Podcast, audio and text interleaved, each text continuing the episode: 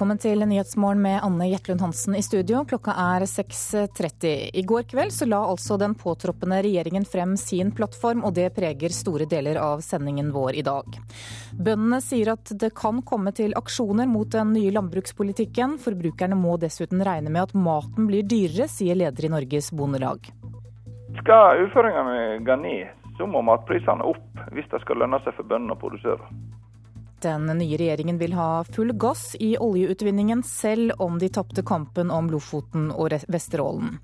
Og det blir flere bompengestasjoner med Fremskrittspartiet i regjering, stikk i strid med valgløftene.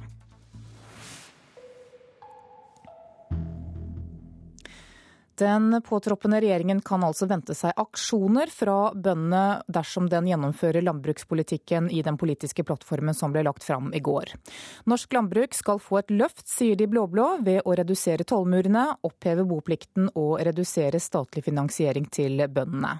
Det vil ødelegge norsk matproduksjon og gjøre maten dyrere, mener leder i Norges Bondelag, Nils T. Bjørke.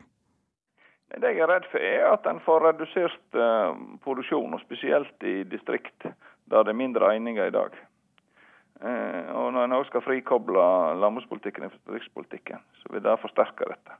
Så jeg er redd at det har vært mye areal som går ut av drift, og det har vært mindre matproduksjon på norske ressurser. Dette henger ikke på greip, mener Bjørge. Regjeringen sier at vi skal bli flinkere til å produsere maten vår selv. Da er ikke reduserte overføringer og dårligere tollvern løsningen, sier han, og varsler dyrere mat. Nei, Skal uføringene gå ned, så må matprisene opp hvis det skal lønne seg for bøndene å produsere.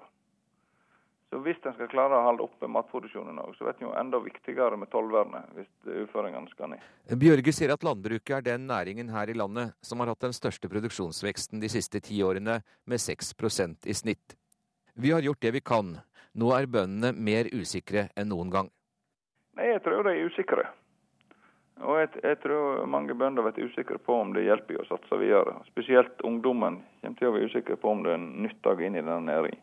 Nå må vi snakke med den nye regjeringen, sier Bjørge, som fortsatt håper.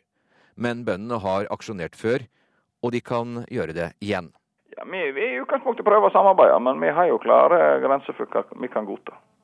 Og Det nytter ikke hvis det er for stor sprik mellom målsetning og virkemidler. Vi har vel tidligere vist at vi kan være ganske tydelige i uttrykksmåten hvis vi ser at dette ikke henger sammen. Betyr det at det kan bli nye traktoraksjoner? Det er ikke noe målsetning for vår side, men eh, det er helt klart at vi, vi slåss for norsk matproduksjon og norske bønder. Reportere her var Hans Jørgen Solli og Marit Gjelland.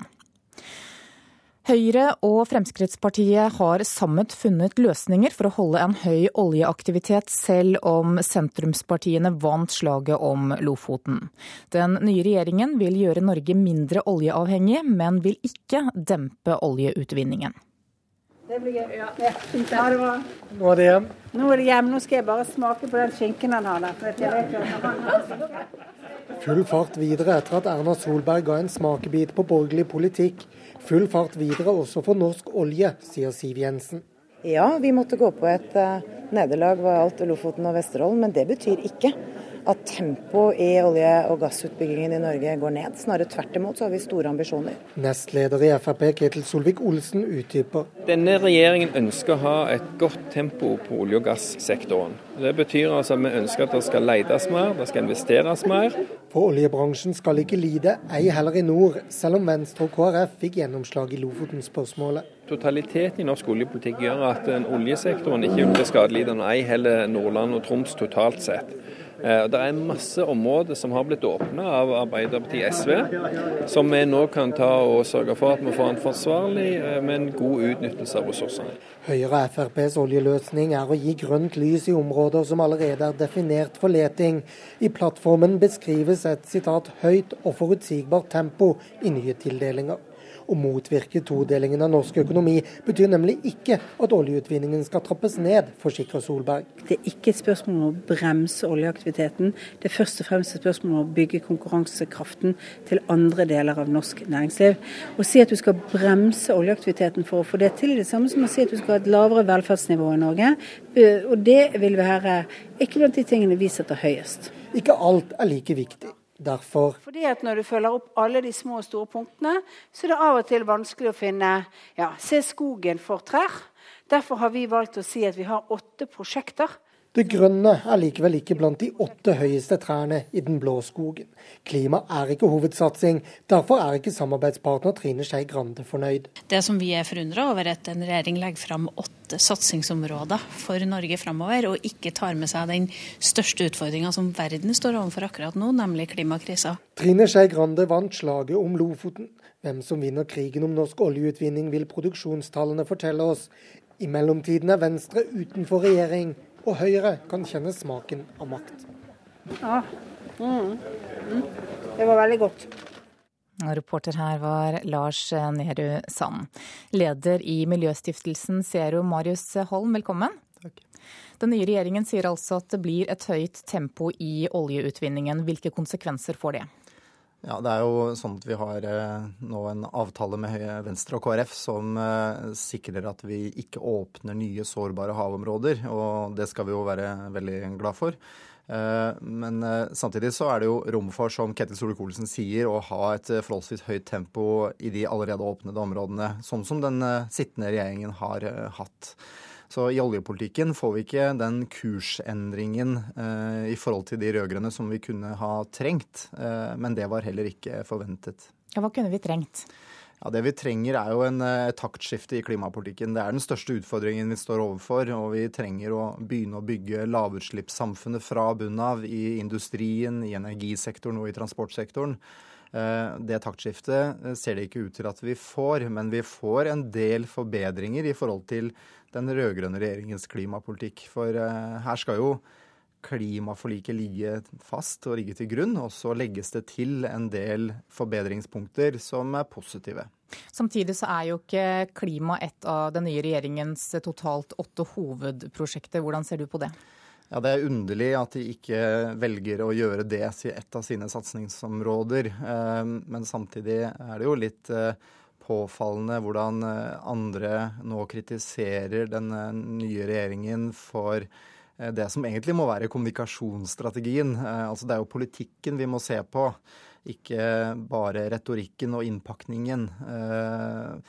Sånn at uh, her er det jo eh, en del konkrete forbedringer. Selv om de ikke har valgt å gjøre uh, klima til en hovedsak, så, så, er det alt i alt grunn til å, være litt positiv her.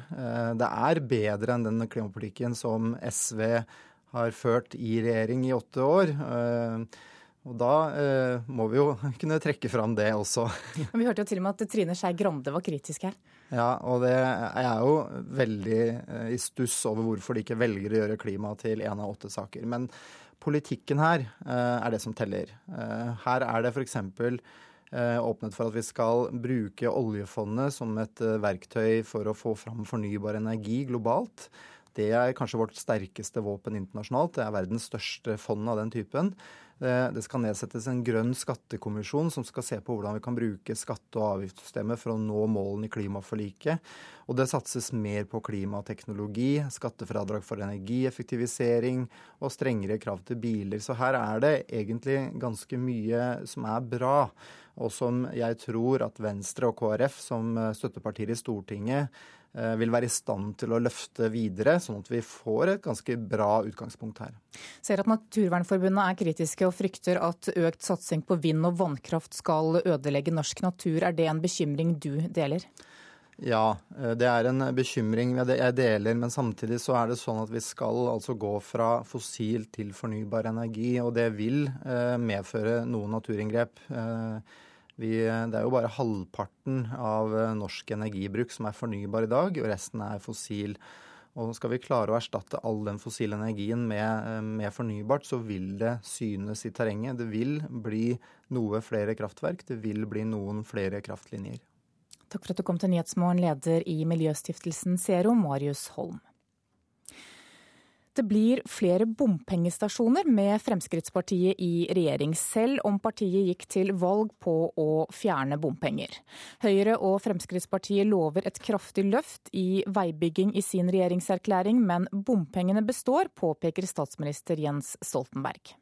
Det eneste de sier at det skal bli litt mindre andel eh, som skal betales av eh, bompenger. Men det blir nye bommer med Fremskrittspartiet i regjering. Og det er stikk i strid med hva Fremskrittspartiet har drevet valgkamp på gjennom lang tid. Samferdselspolitisk talsmann i Fremskrittspartiet, Bård Hoksrud, som også regnes for å være kandidat til å bli samferdselsminister, har lova at det ikke skulle bli nye bomstasjoner med Frp i regjering. Bompenger er en utrolig dyr måte å finansiere veibygging på. Nye veier skulle betales med avkastninga fra oljefondet, blant annet. Men regjeringserklæringa sier altså kun at andelen bompenger skal ned. Unntaket er rundt de store byene og der ferger erstattes med broer og tunneler. Der ser det ut til å bli akkurat like stor bompengeandel for bilistene å betale som planlagt. Så for uh, de største prosjektene blir det ingen endring. Og det blir mange nye bomprosjekter rundt omkring i Norges land. Vi kommer til å lete etter eh, enhver mulighet til å fjerne unødvendig byråkrati og hindringer som står i veien for vanlige folk i hverdagen. Sa Siv Jensen i går, men hun klarte altså ikke å hindre bompengearven fra de rød-grønne og Jens Stoltenberg, som allerede ligger inne i Nasjonal transportplan. Det rare er at det går an å drive valgkamp med så høy profil mot bompenger, og så snu trill rundt eh, kort tid etter og altså sitte i regjering, innføre flere bommer med Fremskrittspartiet i regjering. Men det er jo du som har uh, satt opp de her bompengeprosjektene, ikke det? Jo, men vi har heller ikke lovt noe annet til velgerne. Vi, det er vel ingen som er glad i bommer. Men det er slik at vi bruker 500 milliarder kroner på samferdsel her i landet i Nasjonal transportplan, og så kommer det 100 milliarder i tillegg gjennom bompengene, og det gir oss ekstra satsing. Reporter her var Linda Reinholdsen. Reaksjonene i kulturlivet og mediebransjen er delte om den kommende regjeringens kultur- og mediepolitikk. Kristen Einarsson i Forleggerforeningen sier plattformen fra regjeringen har mange gode intensjoner, mens Gro Morken Endresen i Noregs Mållag frykter for nynorsken etter at statsansatte nå skal slippe å besvare henvendelser på nynorsk. Stortingsrepresentant Bent Høie sier kulturaktører skal få mer frihet til å lage det de selv vil. En eh, vil nok i større grad oppleve at en ikke trenger å eh, tilfredsstille politiske ønsker og mål om innholdet i, eh, i programmene sine eh, for å få eh, støtte og overføringer, men eh, være fri til å lage det, det innholdet som en sjøl mener er det riktige. Og Det er nettopp det som er en av kulturens hovedoppgaver å utfordre oss, eh, og ikke, ikke tilfredsstille den politiske makten. Det sa stortingsrepresentant fra Høyre, Bent Høie. I kulturlivet og mediebransjen er reaksjonene til regjeringsplattformen delte.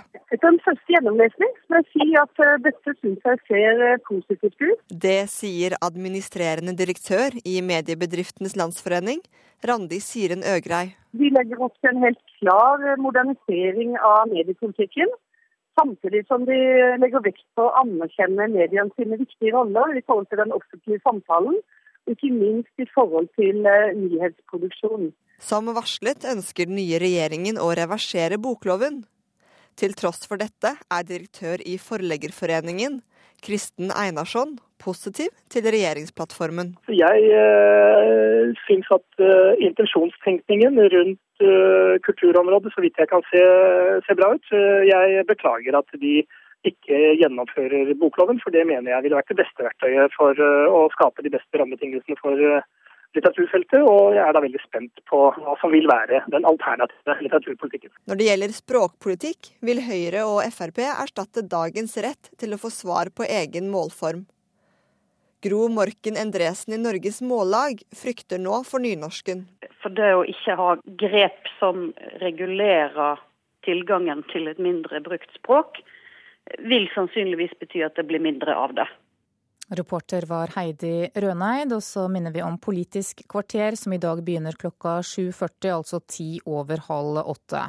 Alle de borgerlige partilederne kommer til programleder Bjørn Myklebust. Da skal vi ta en kikk på dagens eh, aviser, og så å si samtlige har ryddet eh, forsiden til den nye regjeringsplattformen som ble presentert i går kveld. Slik vil de endre Norge, skriver Aftenposten. Politisk redaktør Harald Stanghelle slår fast at gårsdagens blå-blå enighet er en personlig seier for Erna Solberg og Siv Jensen, men størst er triumfen for Fremskrittspartiet, mener han. VG har intervjuet eksperter om hvordan hverdagen din blir endret med den nye regjeringen, og lister opp lavere skatt, høyere fart, byråkrati bort, søndagsåpent. Dagbladets overskrift er 'Dramaet kampene de tapte'. Pengene slik endres din økonomi, og løftene slaktes av eksperter. Skuffelsen i sentrum, skriver Adresseavisen. Verken KrF-leder Knut Arild Hareide eller Venstres Trine Skei Grande er imponert over klima- og miljøprofilen i regjeringsplattformen som Jensen og Solberg la fram i går. Også Dagsavisen påpeker at klima ikke er blant de åtte store satsingsområdene til regjeringen, og at det blir harde dragkamper i Stortinget fremover. Slik skal de blå forandre Norge, er overskriften i Bergens Tidende. Erna Solberg og Siv Jensen lanserte altså åtte hovedsatsinger, og målet er å skape et enklere Norge. Klassekampen skriver at Arbeiderpartiet nekter å bli med på et bredt forlik om tvangssammenslåing av kommuner. Jeg har liten tro på at noen politikere i Oslo skal tegne kommunekartet, sier partisekretær Raimond Johansen. Mens eh, Vårt Land fokuserer på rollen til regjeringens samarbeidspartnere Venstre og KrF. For selv om partiene har lovet å støtte Erna Solbergs regjering, så sier de at de ikke vil være den blå-blå regjeringens forsvarsadvokater. Rekordbot til Telenor, det er overskriften i Dagens Næringsliv i dag. Selskapet får en bot på fem millioner kroner for å diskriminere OneCall og andre nettleietakere ved å gi dem redusert hastighet på mobilsurfing. Men Telenor nekter å betale boten. Og Nasjonen forteller historien om bonde Oddvar Pedersli som har slitt med depresjon, og som nå gir psykisk syke bønder et ansikt.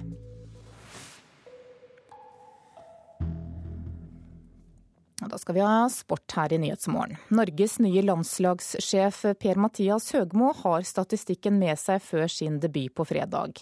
Det er nemlig 35 år siden en ny landslagssjef tapte i sin første kamp.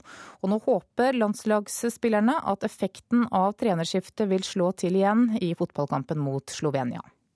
Vi prøver jo å etterleve det engasjementet som Per-Mathias drar inn. og var veldig engasjert. og Den entusiasmen der den, den vil nok smitte over på, på, gruppa, helt klart.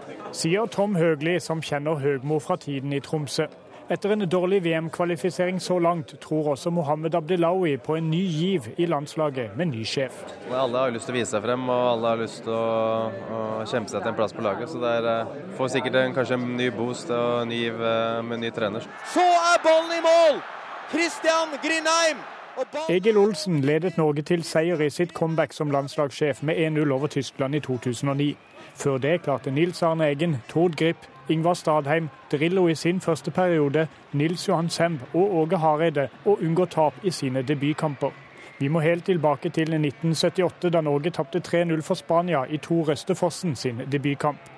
Spørsmålet er om Per-Mathias Høgmo kan opprettholde den gode statistikken i fredagens VM-kvalifiseringskamp mot Slovenia. Ja, altså, du har jo aldri noen garantier, men som jeg sier, vi, vi jobber nå med å optimalisere inn i de to siste, to siste kvalkampene her nå.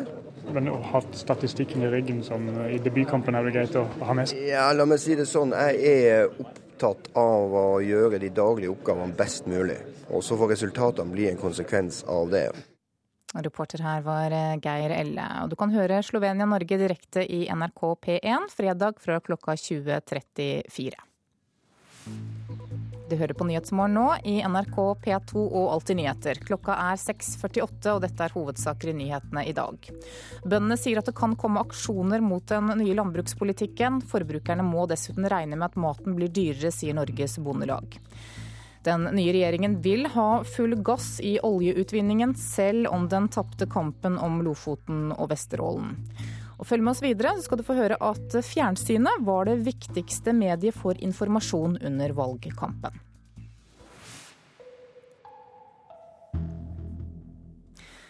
Men før det skal vi til Finnmark, for i Berlevåg så lå stemmesedlene under valget på et bord med fullt innsyn for alle.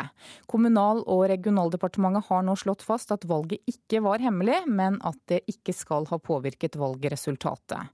Det var Atle Rudshavn som sendte inn klagen, og han mener det er skremmende at loven ikke blir fulgt. Det er veldig uheldig å gå ut med en uttalelse om at man har gjort det her i 30 år veldig uheldig at de kommer med den uh, uttalelsen. Og skremmende at de faktisk ikke følger, uh, følger uh, lover. Ved stortingsvalget i Berlevåg så reagerte Atle Rudshavn fordi stemmesedlene ikke lå inne i avlukket, men på et bord utenfor, fullt synlig for andre. Det er noe som er brudd på valgloven om hemmelig stemmegivning. Han sendte da en klage til Kommunal- og regionaldepartementet, som konkluderte med at valget ikke oppfylte lovens krav. Men departementet mener også at det ikke skal påvirke valgresultatet, så derfor tas ikke klagen til følge. Heldigvis for oss, sier ordfører i Berlevåg, Karsten Skanke. Vi er vel enige om at det var kanskje ikke helt optimalt, men eh, så lenge som eh, de har vedtatt at eh, det hadde ikke noen innflytelse på valget, så syns vi det er greit nok, og at vi får skjerpe oss litt i, til neste omgang. Ja, hvordan, Hva er det dere kommer å gjøre? Nei, Vi er vel enige om det at de avlukkene som vi har, og som vi har brukt i noen år, kanskje ikke er helt optimale når det blir så mye, så mange lister, dessverre. Så det vi, tar vi innover oss og rett skal rette på. Reporter her, det var Robert Lundgren. Det er ikke bare regjeringsmakt Høyre får etter høstens valg. Også på Sametinget så ser Høyre ut til å komme i posisjon. Høyre er blant de fem partiene som Norske Samers Riksforbund i helgen har hatt forhandlinger med om et nytt flertallssamarbeid. Partiet fikk inn to representanter på Sametinget, og ifølge forhandlingsleder Philip Mikkelsen så er Høyre beredt til å ta ansvar på Sametinget også. Nei, Høyre er opptatt av at vi skal ha et styringsdyktig sameting. Og Høyre som et seriøst ansvarlig parti, så vi, ønsker vi gjerne å bidra til at det kommer på plass. Og Det er det som eh, er viktigst, å få et styringsdyktig sameting. Fjernsynet var det viktigste mediet for informasjon under valgkampen. Det viser tall fra en undersøkelse Ipsos MMI har gjort på oppdrag for NRK. For aldersgruppen fra 18 til 29 år så var TV en viktigere informasjonskilde sammenlignet med tidligere valg. Hjertelig velkommen til den siste store partilederdebatten her i NRK. Nær 600 000 nordmenn fulgte den siste partilederdebatten før valget på NRK1. I en ny undersøkelse oppgir et stort flertall NRK og TV 2 sendinger som de beste og mest relevante mediene under valgkampen. Siden mange har spådd en nedgang for TV som medium, er politisk redaktør under valget Kyrre Nakim, overrasket. Det er litt overraskende at ikke TV faller mer, eh, og at den står så sterkt blant de aller yngste, er også litt overraskende. All den tid eh, de elektroniske mediene har kommet sterkere, mobilplattformen, nettplattformen, og vi vet at de er i sterk vekst nettopp i disse gruppene. For andelen unge som gikk til NRK for å finne relevant informasjon om valget, har gått vesentlig opp siden forrige stortingsvalg. Det viser undersøkelsen som er gjennomført av Ipsos MMI på oppdrag fra NRK på store hendelser, som et valg er, så flokker man rundt de store, tradisjonelle mediene. Det er der man er vant til å få trygg og sann informasjon, og det er der man går når man virkelig er opptatt av de store tingene. Det som er viktig å få fram nå også, er at eh, TV-debatter ikke lenger bare foregår på TV. Det foregår på eh, nettet på Facebook og Twitter, og vi følger med på det utover eh, kvelden. og det kan du gjerne komme med. Selv om fjernsyn fortsatt er desidert størst i befolkningen, har sosiale medier blitt en viktigere arena for unge velgere siden siste stortingsvalg. 12% av de mellom 18 og 29 år mener at den beste valgkampdekningen og den mest relevante informasjon er å finne på nettsteder som Facebook og Twitter.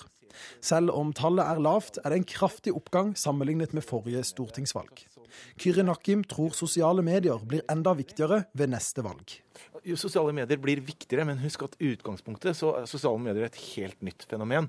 Eh, store deler av befolkningen har ikke begynt å ta det i bruk på den måten ennå. Eh, som et debattforum, som et informasjonsforum. Men der ser vi at det er mye viktigere blant de yngre. Og jeg er helt overbevist om at eh, om fire år igjen så vil sosiale medier være enda viktigere. Reporter her var Christian Ingebretsen.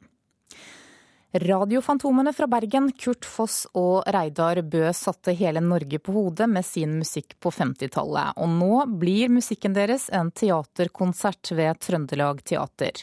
Og for aller første gang så er teatersjefen selv regissør.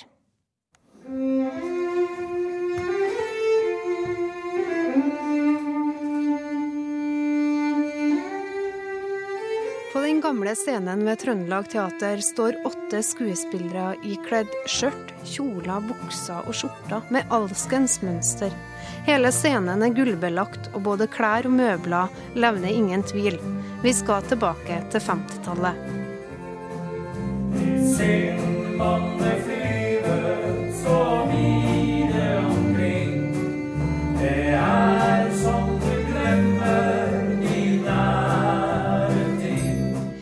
Var på 50-tallet radiofantomene og Norges mest populære artister gjennom tidene, Kurt Foss og Reidar Bø, hadde si storhetstid.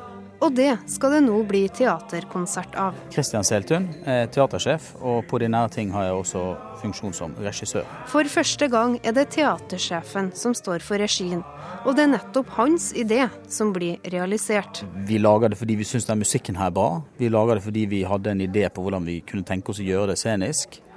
Eh, og så lager vi det jo også fordi vi tenker at dette er noe som folk har lyst til å komme og se.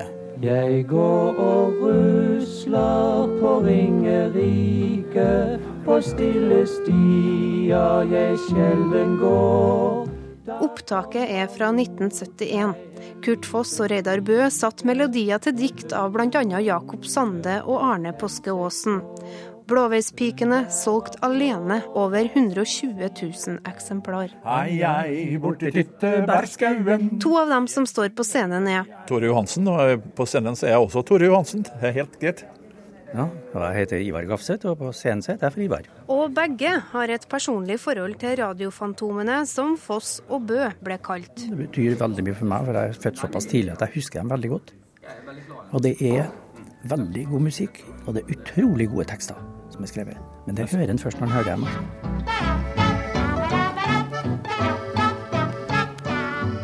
De indiske små musene har gjort en fangst så fin. På 20 år hadde duoen over 150 innspillinger.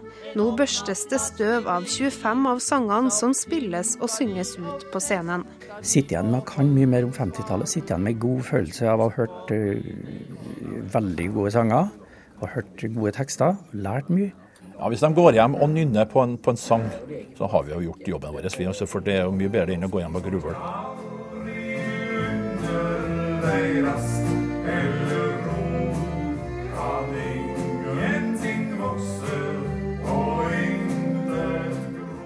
Reporter her, det var Kaja Kristin Næss skal vi se på et værvarsel som gjelder til midnatt. Fjellet i Sør-Norge kan vente seg sørvestlig liten kuling utsatte steder i dag. Regn, mest nedbør i vestlige områder. Østlandet, Telemark og Aust-Agder sørvestlig liten kuling langs kysten. Litt regn av og til nord på Østlandet, ellers mest oppholdsvær. Vest-Agder og Rogaland perioder med sørlig liten kuling nord for Stavanger. Litt regn av og til, og i ettermiddag forbigående økende nedbør. Hordaland og Sogn og Fjordane først på dagen sørlig liten kuling på kysten. Periodevis stiv kuling ved Stad. Regn, lokalt store nedbørsmengder. Møre og Romsdal og Trøndelag i ettermiddag sørvestlig opp i stiv kuling på kysten av Møre og Romsdal. Regn og lokal tåke. Helgeland og Saltfjellet enkelte regnbyger og regn fra sør. Salten, Ofoten, Lofoten og Vesterålen regnbyger først på dagen, senere oppholdsvær. Troms sørvestlig opp i liten kuling ytterst på kysten. Enkelte regnbyger på kysten og ellers opphold. Finnmark enkelte regnbyger på kysten i vest, ellers stort sett oppholdsvær og lokal tåke på vidda. Og på Nordensjøland på Spitsbergen er det ventet østlig frisk bris i dag. På kysten i vest liten kuling og oppholdsvær.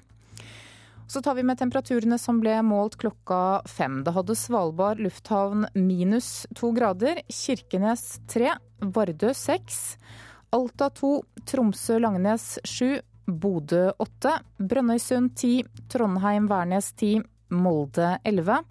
Bergen-Flesland 13, Kristiansand-Kjevik 14, Gardermoen 13. Lillehammer 11, Røros 7, og på Oslo-Blindern så var det 13 grader da klokka var fem i dag morges. NRK P2. Det blir endringer for hundretusenvis av arbeidstakere med ny arbeidslivspolitikk. Og den blå-blå kulturpolitikken er klar. Frihet og mangfold er stikkord. Her er NRK Dagsnytt klokka sju. Høyre og Fremskrittspartiet varsler endringer for hundretusenvis av norske arbeidstakere. Det skal bli lettere å ansette folk midlertidig, og arbeidsfolk skal kunne jobbe lengre dager. Siv Jensen og Erna Solberg åpner også for søndagsåpne butikker. LO-leder Gerd Kristiansen mener den blå-blå regjeringen svekker rettighetene til norske arbeidstakere denne regjeringa kommer til å ta Norge i ei retning som vi i LO ikke er glad for. Nei, altså Det ene er jo arbeidstida og hvordan de vil ha innretninga på arbeidstida. Og det andre det er hva vil de gjøre i forhold til det regelverket som er innført når det gjelder sosial dumping. Fremskrittspartiet og Høyre håper på et bredt politisk forlik om å redusere tallet på kommuner fra 428 til 100. Men Arbeiderpartiets partisekretær Raymond Johansen sier nei til omfattende tvangssammenslåing av norske kommuner. Det skriver Klassekampen. Arbeiderpartiet mener det trengs endringer i kommunesektoren, men kommunesammenslåinger må være frivillige, sier Johansen. På borgerlig side er det enighet om at tvang må til for å skaffe en ny kommunestruktur.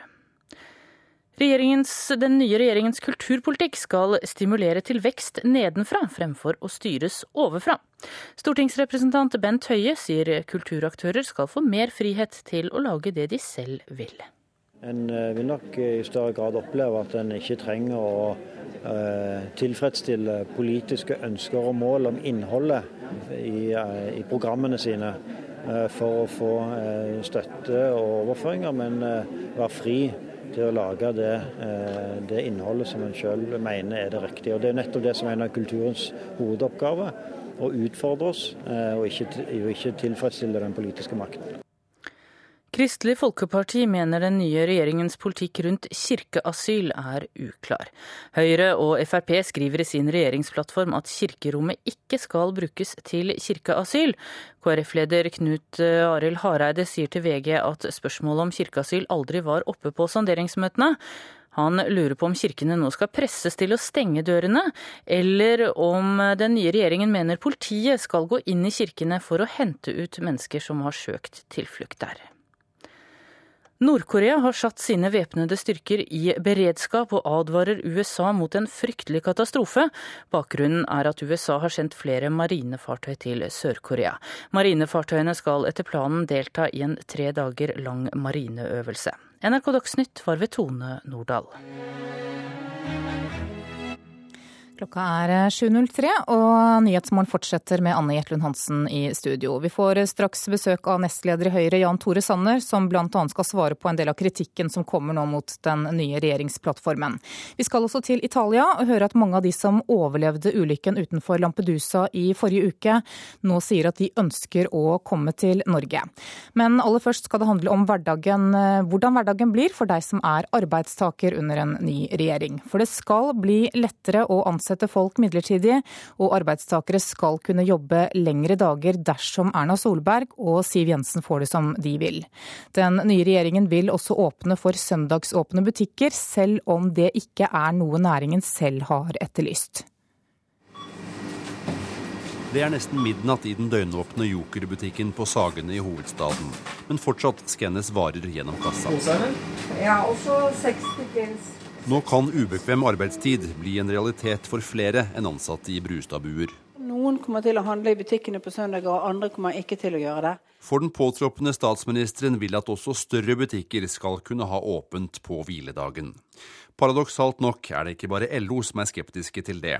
Det er også NHO og toppsjef Kristin Skogen Lund. Det er dyrt å ha folk ansatt eh, på søndager. Eh, og hvis du ikke nødvendigvis selger noe mer totalt sett, men sprer det utover større tid og får ganske mye høyere lønnskostnader, så vil jo det presse marginene. I regjeringsplattformen som ble lansert i går, skriver de blå-blå at de vil myke opp arbeidsmiljøloven, bl.a. når det gjelder gjennomsnittsberegning av arbeidstid og alternative turnuser. I LOs øyne betyr det mindre overtidsbetaling og færre rettigheter. Reportere her var Joakim Nyquist, Linda Reinholdsen og Fredrik eh, Lauritzen. Og LO-leder Gerd Kristiansen, hvordan vil disse endringene helt konkret påvirke livet på jobben for deg og meg? Nei, altså når det, gjelder, når det gjelder gjennomsnittsberegning av arbeidstida, så vil det jo bety at du er på jobb eh, til andre tider i døgnet enn det du normalt ville vært. Og det vil også bety at Eh, når du gjennomsnittsberegner over lengre tider av døgnet, eh, så faller også en del overtidsgodtgjøring bort. Så det betyr også noe for pengeboka til den enkelte arbeidstaker. Ja, men For deler av næringslivet for eksempel, så kan jo gjennomsnittsberegning av arbeidstid være viktig f.eks. når det gjelder sesongarbeid, spesielt i distriktene. Hvorfor er dere kritiske til det? Jo, men vi har altså Der ligger, der ligger regelverk for for gjennomsnittsberegninga av arbeidstida i den eksisterende arbeidsmiljøloven. Det regjeringa nå vil gjøre, er å gå mye lengre med å gi muligheter til eh, det. Men, men vi er jo ute og sier at arbeidsmiljøloven som ligger der i dag, har fleksibilitet i seg dersom at man, eh, dersom at man vil bruke den fleksibiliteten som allerede er der. Så mulighetene for å, å gjennomsnittsberegne arbeidstida, den er på plass allerede. Men, men nå skal man altså utvide den enda mer, og det vil eh, gå på, på bekostning av arbeidstakerne sine interesser. Ja, hvem kommer til å bli rammet hardest av en slik oppmyking av arbeidsmiljøloven som den nye regjeringen varsler? Det vil jo være folk som jobber til, til ulike tider. Altså arbeidsplasser som har uh, arbeidstidsordninger der man jobber på ja, utafor normalarbeidsdagen, hvis man kan si det sånn. Hvordan blir samarbeidet deres med den nye regjeringen fremover?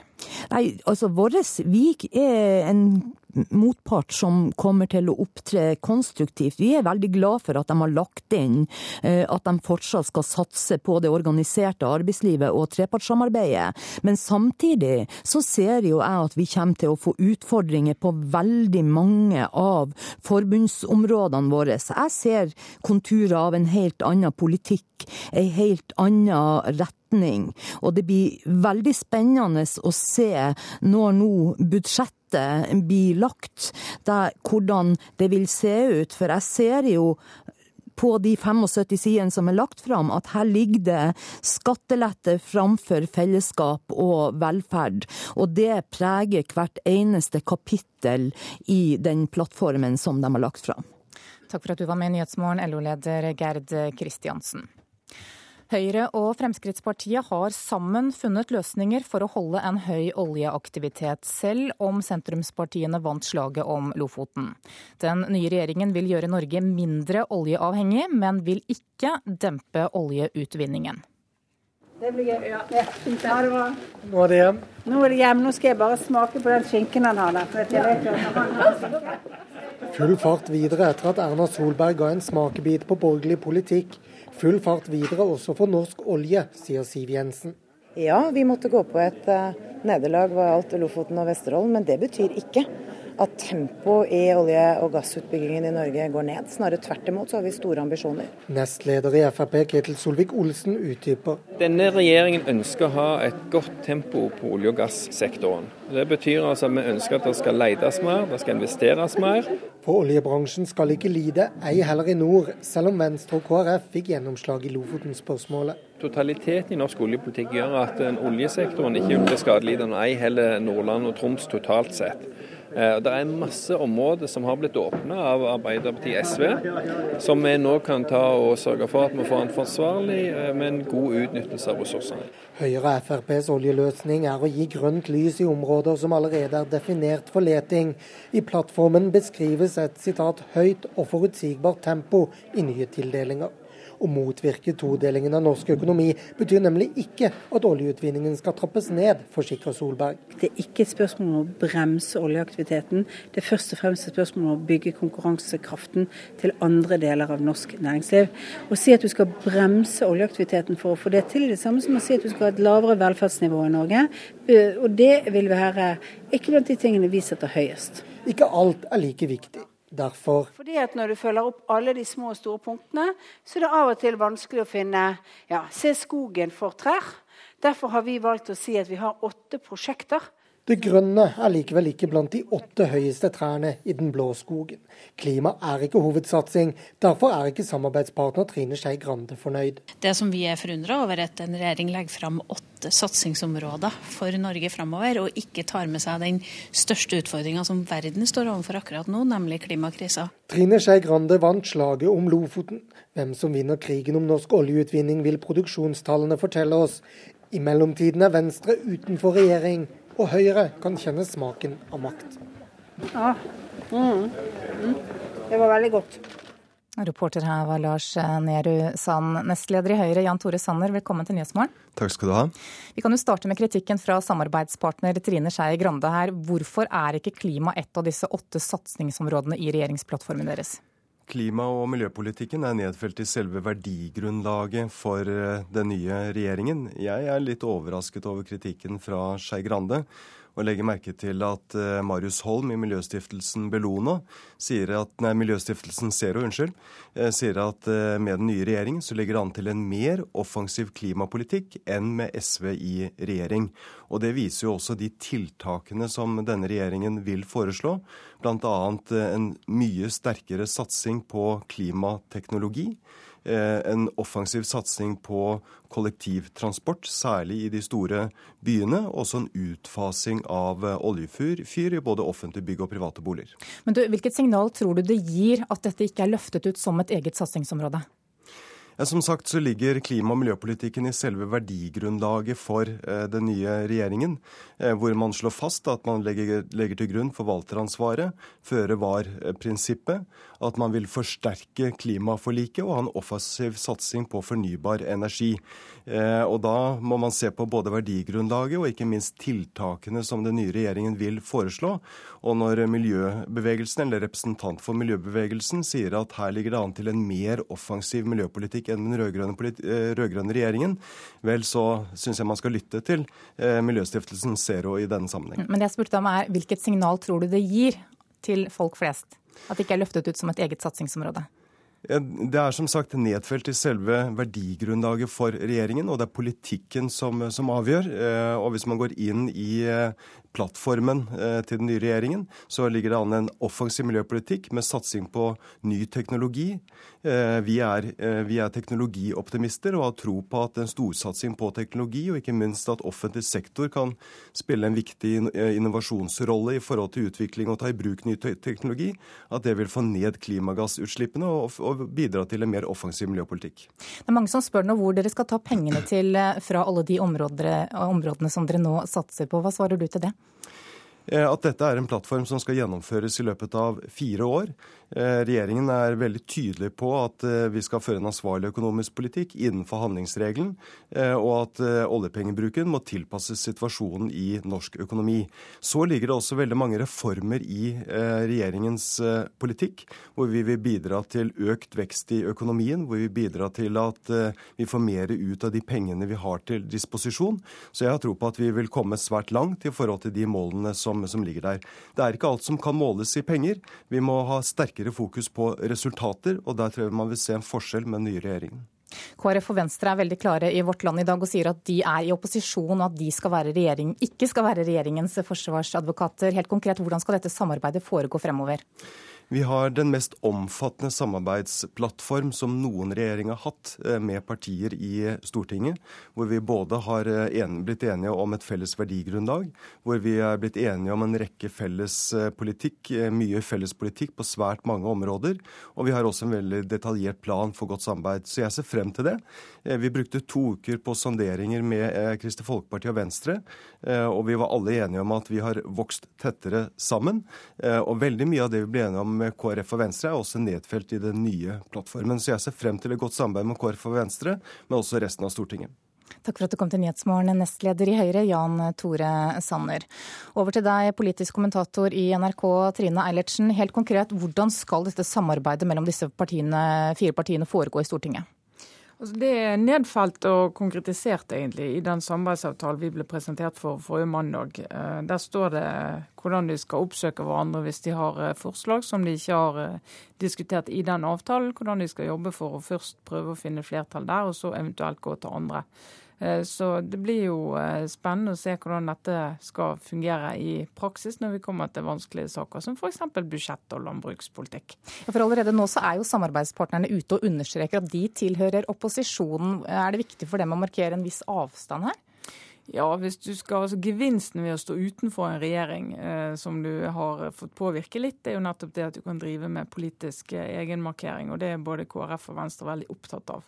Å bruke de neste fire årene på å eh, ta ut de gevinstene de har på innsiden av regjeringen, men også være veldig tydelige på der de er annerledes, i håp om at det skal eh, lokke velgere til de i neste omgang. Det har vært spørsmål om hvor regjeringen skal hente penger eh, fra. Hvordan ser du på eh, forklaringene som er gitt f.eks. For i forhold til planene om store skattekutt? Altså det, det, er mange områder i denne plattformen som er kostbare, og der det er formuleringer om at eh, regjeringen skal bruke mer penger. Vi ser det innenfor skole, innenfor forskning, innenfor helse, ikke minst innenfor samferdsel. Eh, og akkurat hvor eh, pengene skal komme fra, det, det er ikke så tydelig å, å, få et bilde av. Avbyråkratisering i ett stikk og effektivisering i et annet. At det er tiltak som tar lang tid å, å få effekt ut av å hente gevinst fra. Eh, så denne sammenhengen mellom når pengebruken skal eventuelt økes og når pengene skal spares, det er også et av spenningsmomentene som vi bare får se frem til. Ja, hvordan kommer vanlige folk til å merke at vi får et regjeringsskifte? Altså, det er jo eh, en del av disse tiltakene som i utgangspunktet ikke koster så mye penger over offentlige budsjetter. Åpningstid er ett stikkord både for vinmonopol og butikk. Eh, arbeidstid er et annet. Eh, færre forbud er stikkord som ikke er så veldig vanskelig å gjennomføre, og som kan være saker som gjør at man ganske med en gang merker at det i hvert fall er en annen retning. De planlegger altså for åtte år i regjeringen. Holder denne plattformen så lenge, tror du? Og nå skal han bare holde i fire, men det er klart at en del av disse prosjektene her, hvis vi tar eh, avbyråkratisering, kommunereform, helseforetak og sykehus, det er alle de peker egentlig lenger enn fire år eh, hvis de skal bli gjennomført. Eh, først utredet og så gjennomført. Så denne regjeringen trenger mer enn fire år på å gjennomføre visjonene sine. Takk skal du ha, Trine Eilertsen. Og Politisk kvarter blir i dag utvidet, programleder Bjørne Myklebust. Erna Solberg og Siv Jensen kommer, de skal i regjering. Men Knut Arild Hareide og Trine Skei Grande er de helt avhengige av for å få gjennomført politikken sin. Så de kommer også. Politisk kvarter 07.40 rett etter Dagsnytt i dag. Men nå er klokka 7.17 og du hører på Nyhetsmorgen. Dette er hovedsakene våre. Den nye regjeringen vil at det skal bli lettere å ansette folk midlertidig. LO-leder Gerd Kristiansen mener at arbeidstakere kan få dårligere overtidsbetalt. De blå-blå lover at oljeutvinningen skal fortsette i samme tempo som før, til tross for at Lofoten, Vesterålen og Senja er blitt vernet. Og følg oss videre. Salget av DAB-radioer har gått til himmels etter lanseringen av den nye radiokanalen NRK P1 Men før det skal vi til USA, for i dag så er det den åttende dagen med nedstenging av statlige arbeidsplasser i landet. Formannen i Representantenes hus, republikaneren Joe Boner, vil ikke love å gå med på å heve USAs gjeldstak når kassa er tom 17.10, og presidenten nekter å forhandle om Obamacare. Verdens finansmarkeder er nå alvorlig bekymret. Da New York-børsen stengte i går kveld, hadde samtlige hovedindekser opplevd et fall på nær 1% I Kina uttrykte visefinansministeren bekymring for de 1277 trillioner dollar landet sitter med i amerikanske statsobligasjoner. Før helgen gikk det rykter om at den republikanske formannen i Representantenes hus, John Bainer, om nødvendig ville støtte seg på det demokratiske mindretallet for å få ja til en heving av gjeldstaket, slik at USA kan betale for seg hjemme og ute også etter 17. oktober, dagen da Finansdepartementet har sagt at det er slutt på reservene. Men i helgen sa Bainer at det ikke kom på tale å vedta en økning i gjeldstaket uten konsesjoner. President's refusal to negotiate is hurting our economy and putting our country at risk. Presidentens nei til å forhandle skader vår økonomi og setter landet vårt i fare, sa Bainer i Kongressen i går. Han antydet at presidenten foretrekker budsjettstupet framfor forhandlinger. Barack Obama svarte i går at han er villig til å forhandle om alt, men I cannot do that under the threat that if Republicans don't get 100% of their way, they're going to either shut down the government Jeg kan ikke gjøre det under trusselen om at hvis ikke republikanerne får det 100% som de vil, så stenger de statlig virksomhet eller misligholder statens gjeld, slik at USA for første gang i historien ikke kan betale sine regninger, sa Obama. Han sa også at formannen i Representantenes hus kunne fått flertall for et budsjett hvis han ville. Det er feil, sier formann Bainer, og nekter å legge fram Senatets forslag til budsjett for avstemning i eget hus. Der står saken. Noen hundre tusen permitterte kan landet alltids tåle i noen uker. Men slutter USA å betale sine regninger fra fredag i neste uke, vil det merkes over hele verden, og ikke bare på børsene. Det var USA-korrespondent Gro Holm som hadde sendt denne reportasjen om budsjettkrisen i USA.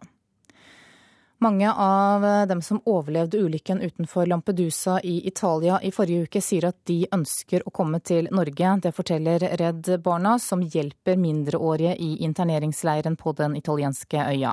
Spesielt ungdommene som er igjen alene, ønsker en trygg fremtid, sier Filippo Ungaro. Lost uh, parents or uh, like uncles or brothers in the, in the tragedy. Noen av dem forteller at de har mistet foreldre, onkler og brødre i tragedien, sier Filippo Ungaro. 41 ungdommer overlevde da flyktningebåten med over 500 mennesker om bord kantret i forrige uke. De var mellom 11 og 17 år, og de fleste av dem fra Etiopia. Nå hjelper Redd Barna dem til å gå videre i sorgen, sier Ungaro.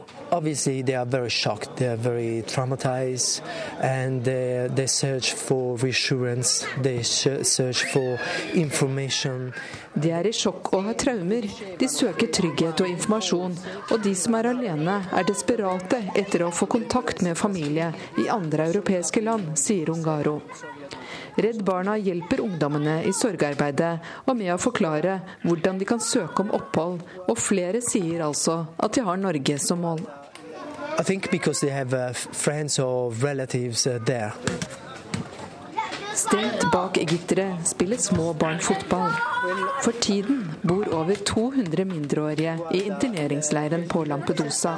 En av dem er Ahmed, som har flyktet fra krigen i Syria sammen med familien sin.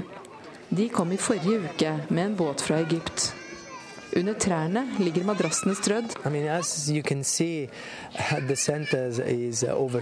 Som du ser, så er det overfylt. Situasjonen er ille.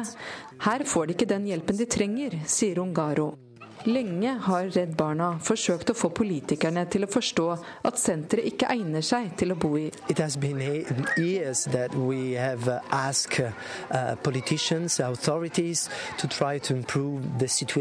I morgen kommer EU-kommisjonens president José Manuel Barroso til Lampedusa.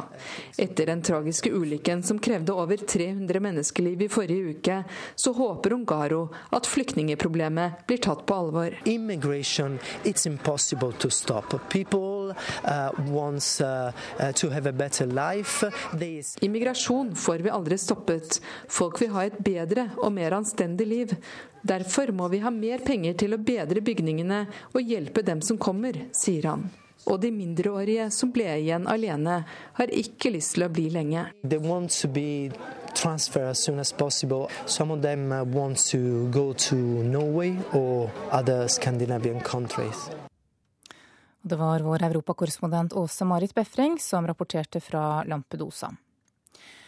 Syrias president er usikker på om han vil stille til gjenvalg. Bashar al-Assad sier i et intervju med den tyske avisen Der Spiegel at han vil lodde stemningen i folket før han eventuelt søker gjenvalg neste år.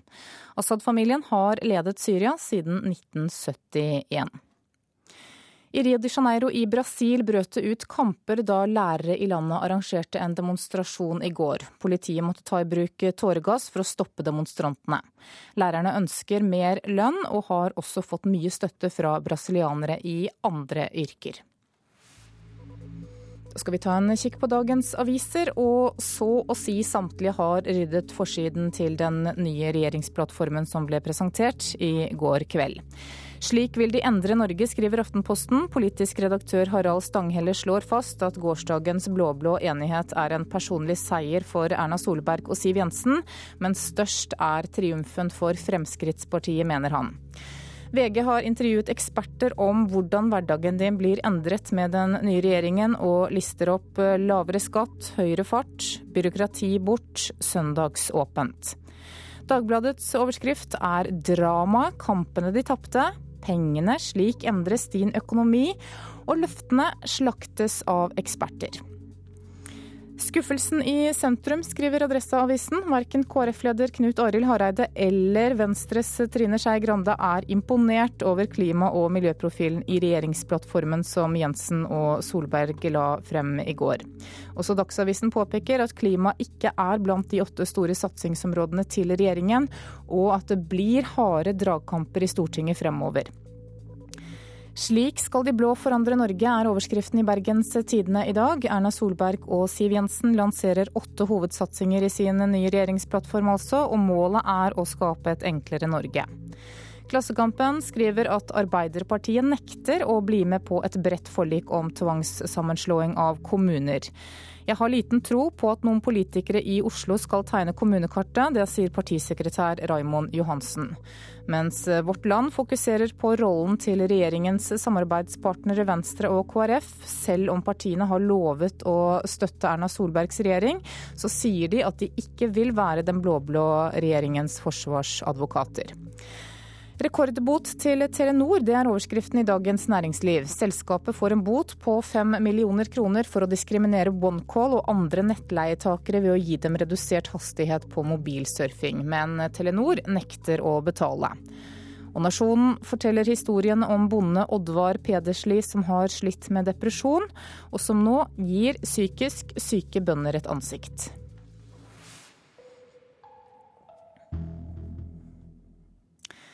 Etter at den nye radiokanalen NRK P1 Pluss kom på lufta i forrige uke, så økte Elkjøp salget av DAB-radioer med 75% fra uka før lanseringen av den nye kanalen.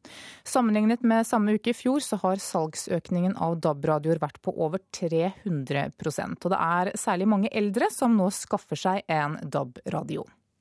Nå skal jeg ha DAB-radio. Litt, litt, nysgjerrig på den NRK pluss. Sier Ann Hauren fra Elverum. Det har vært ekstra interesse for DAB-radioer nå de siste par ukene. Det er nok ingen tvil om at vi har opplevd en P1 pluss-effekt i eh, DAB-radiosalget vårt. Vi ser på antall solgte, så var onsdag og torsdag forrige uke da skjøt det i været. Vi solgte vel dobbelt så mange radioer cirka, som vi gjør på vanlige dager. Kommunikasjonssjef i Elkjøp Norge Line Oddekalv sier de i forrige uke hadde en salgsøkning på over 300% sammenligna med samme uke i fjor. 310% har salget økt forrige uke sammenligna med fjorår.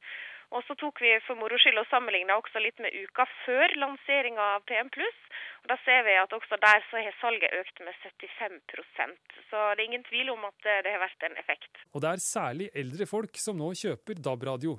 Jeg skjønner nok dette. En brukbar selv. Sier DAB-radiokjøper Svein Nygård. Vi vil ha en som er helt enkel.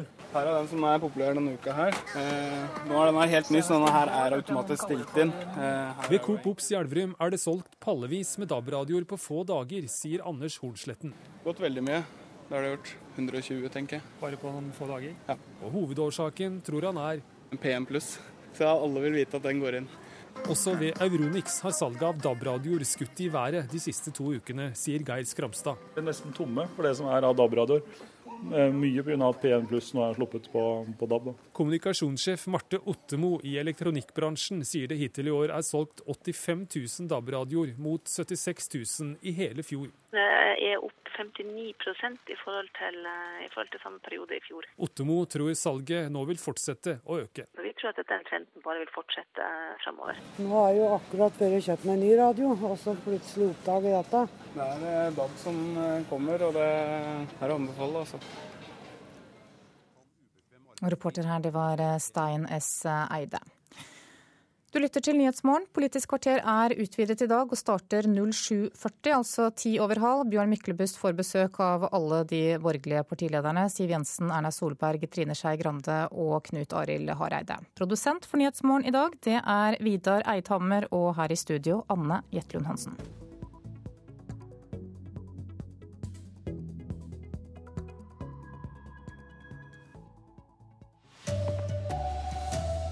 Det blir endringer for hundretusenvis av arbeidstakere med ny arbeidslivspolitikk. Høyre og Fremskrittspartiet kommer til å gjøre maten dyrere, mener Bondelaget. Og mange av dem som overlevde båtulykken utenfor Lampedusa, ønsker å søke asyl i Norge. God morgen, her er NRK Dagsnytt, klokka er 7.30. Ja, Høyre og Fremskrittspartiet varsler altså endringer for hundretusenvis av norske arbeidstakere. Det skal bli lettere å ansette folk midlertidig, og arbeidsfolk skal kunne jobbe lengre dager. Den nye regjeringen vil også åpne for søndagsåpne butikker, selv om det ikke er noe næringen selv etterspør. Det er nesten midnatt i den døgnåpne Joker-butikken på Sagene i hovedstaden. Men fortsatt skannes varer gjennom kassa. Ja, også 60 pils. Nå kan ubekvem arbeidstid bli en realitet for flere enn ansatte i Brustadbuer.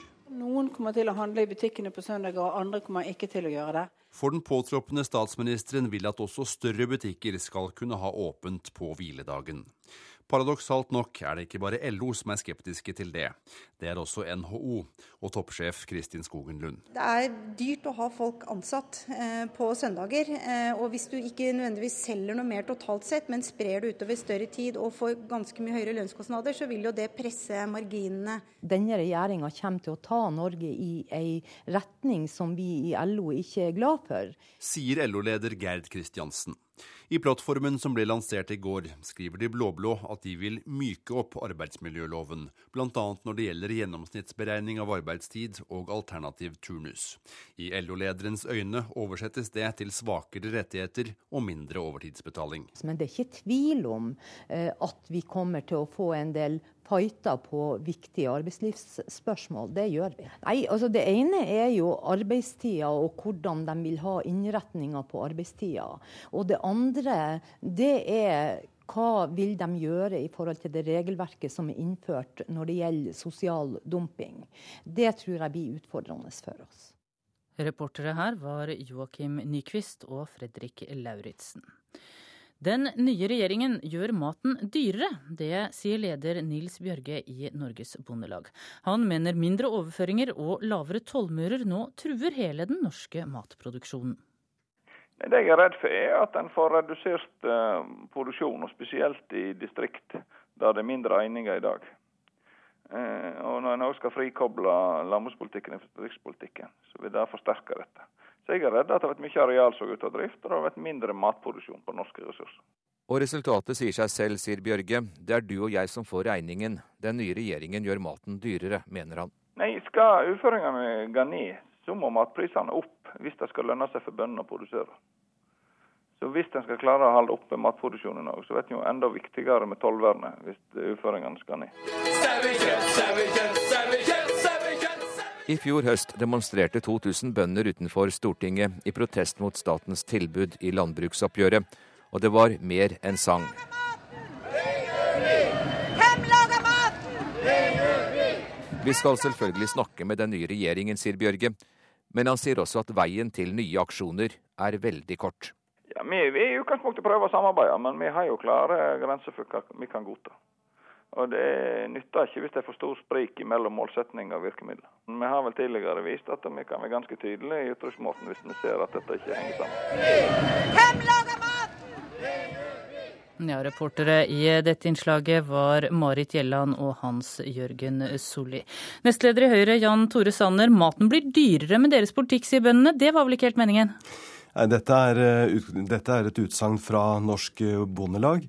Vi ser frem til et godt eh, samarbeid eh, med både Bondelaget og med norske bønder. Vi ønsker en forutsigbar landbrukspolitikk. Det kommer til å bli reformer som vil gi bøndene nye utviklingsmuligheter, nye inntektsmuligheter. Vi ønsker å vri støtten mer i retning av produksjon. Men, du, men vi ønsker samtidig at det skal være et sterkt landbruk over hele landet. Vi må være litt uh, korte her. Vi hørte bøndene ikke helt fornøyd. LO mener dere svekker ansattes rettigheter. Hvordan skal samarbeidet med store og viktige organisasjoner eh, bli for dere? Det er viktig for oss å ha et eh, godt samarbeid med de store organisasjonene, med LO, men også de andre arbeidstagerorganisasjonene. Unio, YS, Akademikerne. Vi slår fast i plattformen at fast ansettelse skal være hovedregelen i arbeidsmiljøloven. Vi tar sikte på noen oppmykninger, men man bør også legge merke til at vi understreker viktigheten av trepartssamarbeidet, skal opprettholde fagforeningsfradraget, og også sykelønnsordningen kommer til å bli bevart. Takk skal du ha, Jan Tore Sanner. Politisk kommentator Trine Eilertsen, du er også med oss. Vi har hørt noen ting nå. Hva blir de viktigste endringene som vi alle kommer til å merke med en ny regjering?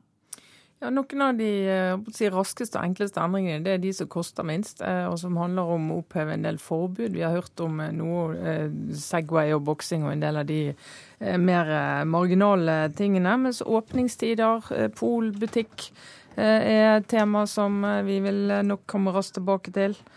Kultur, boklov, mediemoms kanskje, språk er også tema der, der folk kan merke det ganske raskt hvis regjeringen ønsker det. Du, Hvordan tror du samarbeidet blir mellom Høyre og Frp, som jo danner regjering nå, og Venstre og KrF? For de to partiene markerer en viss avstand allerede i dag.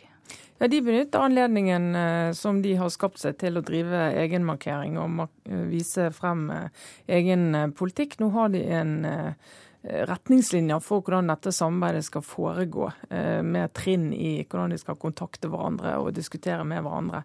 Eh, men det sikrer selvfølgelig ikke at eh, det blir flertall for alt regjeringen eh, ønsker seg. Eller sikkert heller ikke økt gjennomslag for de to andre. Så det blir jo en av spenningsmomentene. For dette er en litt ny konstruksjon, det vi ser mellom de to partiene og de to partiene på innsiden av regjeringen. Vi hørte Jan Tore Sanner her si at han ønska seg et godt samarbeid med alle de store og viktige organisasjonene, bl.a. i arbeidslivet og med bøndene. Tror du det samarbeidet blir så godt? Altså, Regjeringen har nå flagget hvor de, eller Den nye regjeringen flagger hvor de ønsker å gå. og Så kommer det jo litt an på i hva grad regjeringen velger konfrontasjon med organisasjonene. Det er vel ikke inntrykket at det er det som er målet. Eh, og I en dialog så får vi jo se hvor mye som blir igjen av eh, de politiske ønskene, hvor mye endring det blir. Eh, men parter på begge sider har i hvert fall sagt både LO og den nye regjeringen at de ønsker å samarbeide. Så får vi se hvor høy temperatur det blir på det. Litt, litt skal det jo bli. Takk skal du ha, Trine Eilertsen. Og I Politisk kvarter, som starter allerede om to og et halvt minutt, så kommer de fire borgerlige partilederne. De står klare utenfor studio her allerede nå. Politisk kvarter hører du på P2 og Alltid nyheter.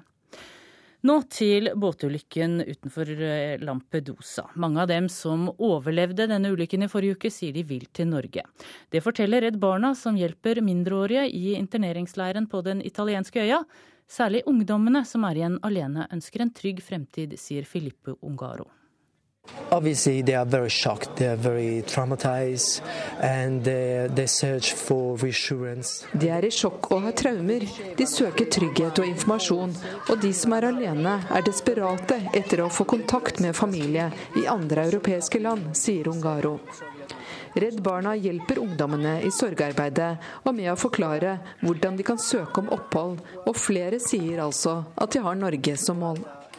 I think because they have uh, friends or relatives uh, there. I mean, as you can see, the center is uh, overcrowded. Som du ser, så er det overfylt. Situasjonen er ille. Her får de ikke den hjelpen de trenger, sier Ungaro. Lenge har Redd Barna forsøkt å få politikerne til å forstå at senteret ikke egner seg til å bo i. I morgen kommer EU-kommisjonens president José Manuel Barroso til Lampedusa.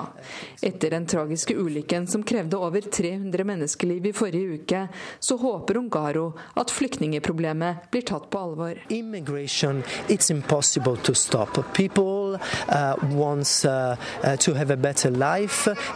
Immigrasjon får vi aldri stoppet. Folk vil ha et bedre og mer anstendig liv. Derfor må vi ha mer penger til å bedre bygningene og hjelpe dem som kommer, sier han. Det sa vår europakorrespondent Åse Marit Befring. Så fotball. Norges nye landslagssjef Per-Mathias Høgmo har statistikken med seg før debuten på fredag. Det er nemlig 35 år siden en ny landslagssjef tapte sin første kamp. Prøver jo å etterleve det engasjementet som Per-Mathias drar inn. Han var veldig engasjert. og Den entusiasmen der, den, den vil nok smitte over på, på gruppa, helt klart. Sier Tom Høgli, som kjenner Høgmo fra tiden i Tromsø. Etter en dårlig VM-kvalifisering så langt, tror også Mohammed Abdelawi på en ny giv i landslaget med ny sjef. Alle har lyst til å vise seg frem, og alle har lyst til å, å kjempe seg til en plass på laget. Så det er, eh, får sikkert en, kanskje en ny boost og en ny giv med en ny trener. Reporter var Geir Elle. Ansvarlig for Dagsnytt-sendingen i dag, Anne Skårseth og Hanne Lunås. I studio, Tone Nordahl.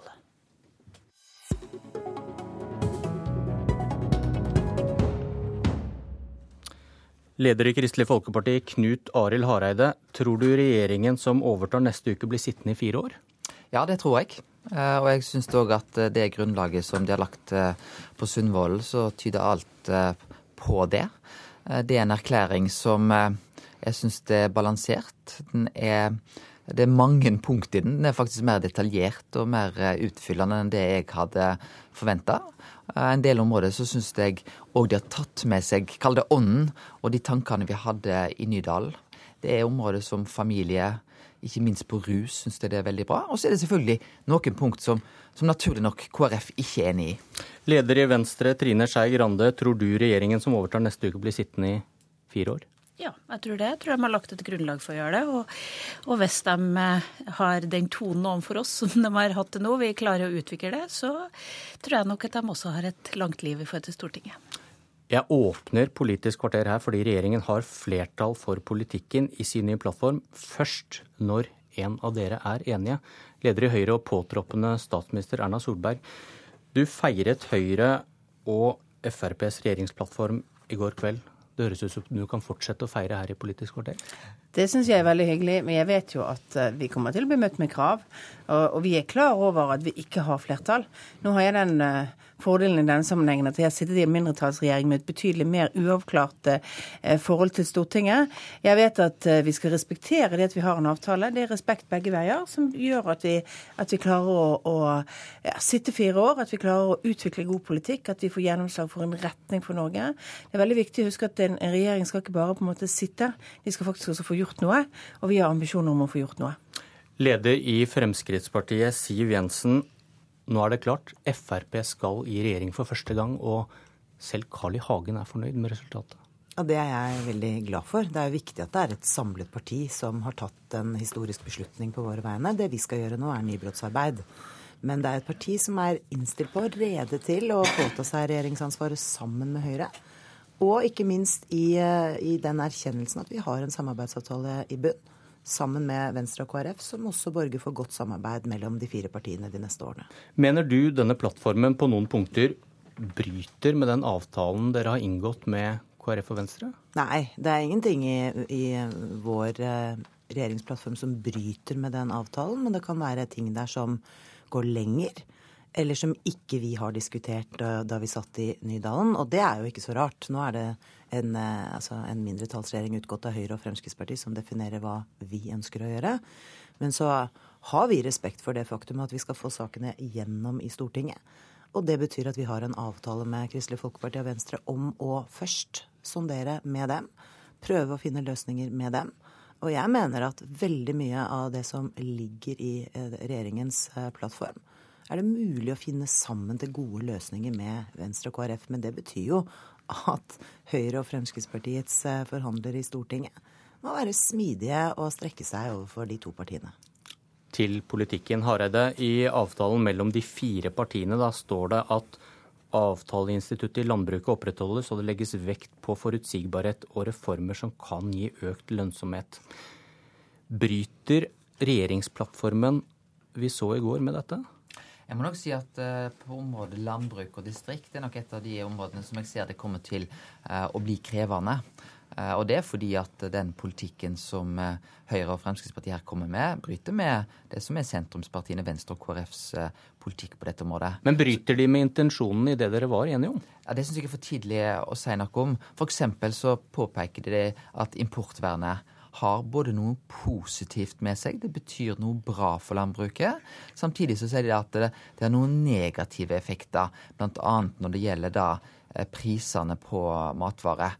Så blir spørsmålet hvordan forholder seg en da til importvernet, når en sier at det både har noe positivt med seg, og det har noe negativt eh, med seg. Det vet vi ikke i dag.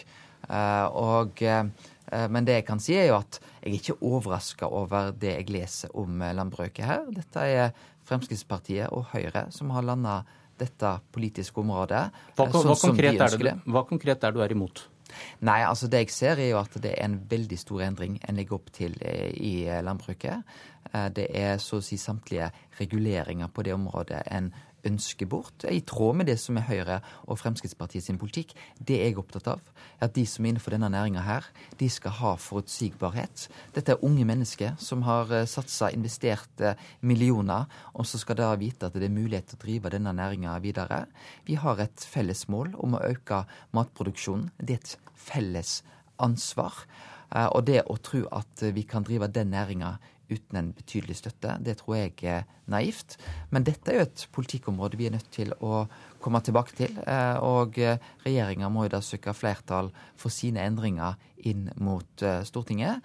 Eh, men de vet jo hvor de har sentrumspartiene når det gjelder nettopp det politiske området. Og hvis du sammenligner Sem-erklæringen, som altså da var den siste erklæringen Høyre var med på, så er det betydelige forskjeller på nettopp dette området opp mot den nye Sundvolden-erklæringa. Det er jo riktig. og Det er fordi at eh, landbruket nettopp for å få investeringslysten og eh, fremtidsmuligheten tilbake for mange yngre bønder faktisk er nødt til å bli mer lønnsomt. Og Vi mener jo at det som ligger her er i tråd med, med, med avtalen. fordi at vi sa vi skal opprettholde avtaleinstituttet, men vi skal reformere landbrukspolitikken for å få mer lønnsomhet. Og en del av de reguleringene vi har i dag, gjør at det blir mindre lønnsomt for en del bønder, og det blir dermed mindre fremtidstro også, for man vet ikke om man kan klare det. Men vi er fullstendig klare over at vi skal diskutere dette. Vi skal diskutere det fordi vi opprettholder avtaleinstituttet. skal vi diskutere deler av dette med partene. Så skal vi også diskutere det med våre partnere på Stortinget, altså våre samarbeidspartiene på Stortinget. Men uh, det er nødvendig med reformer i norsk landbruk i årene fremover.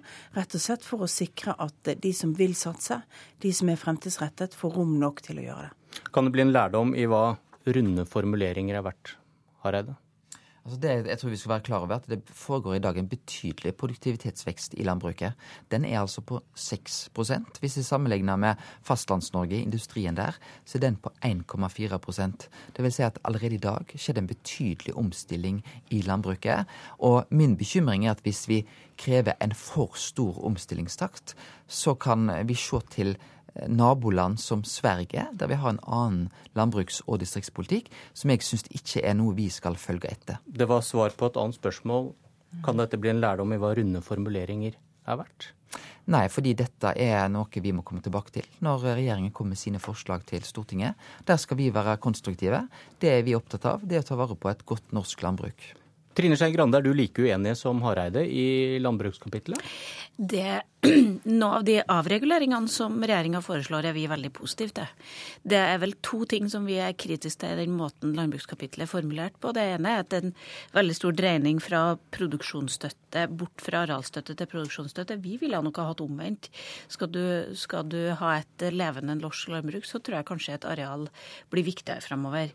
Og det andre er at økologisk landbruk ikke er nevnt. Men jeg ser for meg at dette vil også bli tema som vi, vi kommer til å diskutere fremover. Landbrukspolitikken er også en viktig del av miljøpolitikken. Siv Jensen, ser du for deg at du, du trenger bare én av disse eh, for å danne flertall for politikken deres. Ser du for deg at Trine Skei Grande kan være en, en fin partner i, for å få gjort noe med landbrukspolitikken? og droppe Hareide? Jeg tror både KrF og Venstre kan være potensielt gode partnere i det. Og det er det vi har forpliktet oss til, nemlig å prøve å finne løsninger oss fire imellom før vi eventuelt leter etter andre løsninger. Og det har vi ambisjoner om å gjøre. Men så har jeg lyst til å si at når man har på en, måte en omforent forståelse om å reformere norsk landbruk, men innenfor en ansvarlig økonomisk ramme, så betyr det endringer. Og det er altså sånn at uh, selv om vi vil ha forutsigbarhet og langsiktighet i landbrukspolitikken, så vil det være bra med muligheten for å organisere seg på nye måter, i nye driftsformer. Det vil være bra å få avregulert, avbyråkratisert, eh, gitt større frihet til den enkelte bonde til å organisere egen produksjon slik det er best tilpasset eh, der, der, der den skal skje. Eh, og så er det jo en kraftig styrking da, av eiendomsretten til eiere av landbrukseiendommer som ikke tidligere har vært like sterk som det eiendomsretten som alle vi andre har. Så jeg mener det er veldig mye bra i den landbrukspolitikken som den nye regjeringen legger opp til. Men vi må søke å finne flertall, og det tror jeg vi skal klare med eh, sentrumspartiene. Erna Solberg, en perfid penn antydet i går at klimapolitikken blir denne regjeringens hvileskjær. Nei, det blir den ikke. For vi har eh, veldig klart formulert eh, både en aktiv klimapolitikk, eh, en aktiv miljøpolitikk, og vi har sagt at vi skal videreutvikle klimaforliket, for vi skal styrke klimaforliket. Så det blir ikke noe hvileskjær. Og det er en del av konkurransepolitikken vår å sørge for det teknologiskiftet som gjør at vi har nye bedrifter som kan drive lønnsomt med andre aktiviteter, og klima er en forutsetning for det. Så det blir masse satsing på dette. Men vi har ikke valgt det som et av de åtte hovedsatsingsområdene for å endre Norge. Det er fordi vi valgte å ikke lage noen av de store globale utfordringene som en del av det. Eh, men eh, det ligger jo under, og det ligger med et meget aktivt kapittel i dette, denne plattformen. Det er det mange lurer på. At i mai pekes det da på, så mente du at klima det er vår tids største utfordring. I går så ble det da, som du sier, det ble ikke nevnt før noen spurte om det fra salen. Men jo, det er faktisk, henger det, henger det, er faktisk, det er faktisk ikke riktig. For jeg sa at uh, kunnskapspolitikk er en av, er også en av de viktigste forutsetningene for at vi får gode klimaløsninger. Da den før, før det.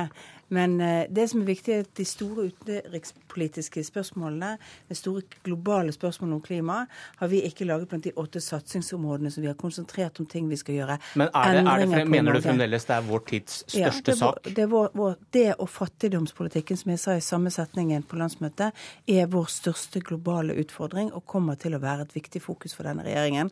Og det kommer til å ligge under mange av de andre satsingsområdene. F.eks. når vi lover innenfor det å bygge landet en stor kollektivsatsing så vil du se at begrunnelsen for det er bl.a. det vi skal gjøre på klima. Trine Skei Grande, er dette en lærdom for deg hva runde formuleringer i en samarbeidsavtale mellom dere er verdt? Nei, altså når det gjelder konkrete politikken som står referert i erklæringa, så er ikke dette så dårlig.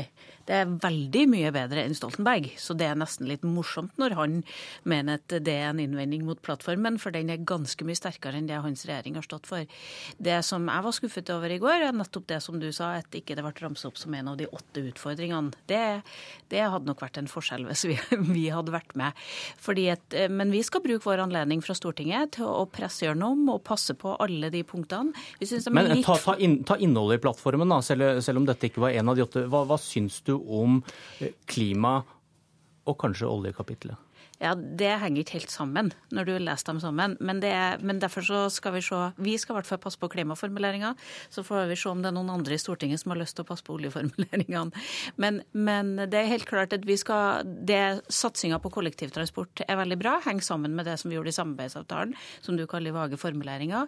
Det er flere store samferdselsprosjekt her, som Oslotunnel og lignende ting, som vi ikke har sett eh, fra de andre med like stor kraft. Jeg syns de er litt vage på jernbane jernbane. Skulle gjerne ønske at de var litt mer konkret i forhold til, til jernbanesatsinga, men det skal vi passe på videre.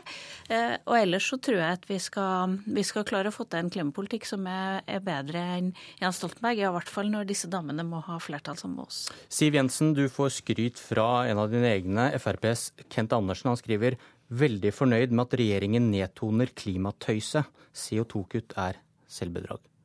For du vant kanskje denne runden? Nei, Fremskrittspartiet skal eh, styre basert på klimaforlikets intensjoner. Det er det ingen tvil om. Det har vi sluttet oss til gjennom denne avtalen. Så handler det jo om hvilke virkemidler vi iverksetter for å få det til. Jeg syns kanskje noe av den, den ja, mest underholdende kritikken som har kommet eh, fra i går til i dag, har kommet fra Stoltenberg selv.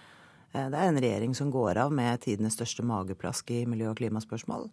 Eh, jeg tror vi skal bli målt på det vi faktisk gjør. Og det er en grunnleggende erkjennelse i bunn på dette. Nemlig at vi må sikre norsk næringsliv og industri gode og konkurransedyktige rammebetingelser. For alternativet er at vi sender de ut til å etablere seg i land med betydelig andre og dårligere rammebetingelser for miljø og klima enn det Norge har forutsetninger for å gjøre. Vi har ambisjoner om en storstilt utbygging av kollektivtrafikk, jernbane. Eh, vi har ambisjoner om å legge om hele bilavgiftssystemet med sikte på miljøforbedringer. Det er altså en lang rekke tiltak her som folk vil oppleve som positivt, som vil være bra for næringslivets konkurransekraft. Og jeg mener det er det vi må måles på. Ikke svulstige formuleringer. Det er ingenting verdt før det omsettes i tiltak, og det er det en regjering skal måles på. Og så har vi vel hørt deg på radioen i morges, Siv Jensen, love å øke oljeutvinningstempoet. Jo, men det er altså sånn at uh, Vi har to grunnleggende bekymringer. Det ene er at vi ikke må få en utvikling i den økonomiske politikken som forsterker todelingen. Men samtidig må vi erkjenne at olje- og gassindustrien er en viktig del av uh, Norges inntekter. Det er titusenvis av mennesker som er sysselsatt i den sektoren, og man kan ikke bare over natten endre og forverre rammebetingelsene. Her kommer vi til å ha store inntekter i all overskuelig fremtid, men samtidig må vi ha fokus på øvrig del av fastlandsindustrien, legge rammebetingelsene til rette for at vi kan få nye, sterke satsingsområder. Gradvis dreie fokuset og oppmerksomheten over på andre næringsveier. Det være fisk, det være oppdrett, det være seg eh, miljøvennlig og fornybar energiproduksjon. Her er det en lang rekke ting vi kan gjøre som svekker den todelingen som vi nå ser. Hareide, dere vant uh, Lofoten og Vesterålen, men kanskje ikke så mye mer, vil noen si. Ja, Når du tror... hører på, på, på, Jensen om at uh, vi skal øke oljeutvinningstempoet. Ja, men jeg tror, eh, som jeg sa, landbruket trenger forutsigbarhet. De trenger òg olje- og gassnæringer. Det tror jeg vi er alle enige om. Men i den avtalen som Trine Skei Grande og jeg har med Fremskrittspartiet og Høyre, så står det jo at vi skal styrke klimaforliket. Det ligger et betydelig ansvar eh, på regjeringa i den formuleringen. Jeg hadde nok òg gjerne ønsket at at Erna Solberg hadde fulgt opp det hun sa i sin landsmøtetale i vår. Og der pekte hun både på klima, men òg fattigdomsbekjempelse, internasjonal fattigdomsbekjempelse. Eh, og han kunne nok dermed tenkt eh, ti satsingsområder, for jeg syns det er viktig at vi ser på, på Norge ikke bare internt eh, innenrikspolitisk, men at vi òg ser på vårt ansvar i den internasjonale verden. Og der er klima og der er fattigdomsbekjempelse viktige områder for oss. En Høyre-mann skrev i går Jan Arild Snoen, økte utgifter og skatteletter 2,5 fantasillioner, innsparinger 4 kroner og 50 øre. Veldig mange styrke øke, men knapt ett kutte. Erna Solberg, i din plattform? Men det er mye reformer, og det er mye omlegginger, og det er et helt satsingsområde som heter å få mindre byråkrati, som kommer til å gi oss mer økonomisk handlingsrom Hvor mye i årene fremover. Det kan du jo ikke det, altså det går ikke an å tallfeste sånne ting. Fremtiden, ja, men det, det, er viktig å starte det arbeidet. Det er mange regjeringer som har tenkt at dette tjener jeg ikke på neste år, derfor gidder jeg ikke å gjøre det. Og derfor så er Norge blitt dyrere hvert eneste år. Eh, vi har et behov for å sørge for at vi gjør Norge enklere. Det kommer til å gi oss økonomisk større handlingsrom. Men nå er det sånn at Jan, Arild Snoen er Men, men glem, glem Jan, Jan Arild Snoen.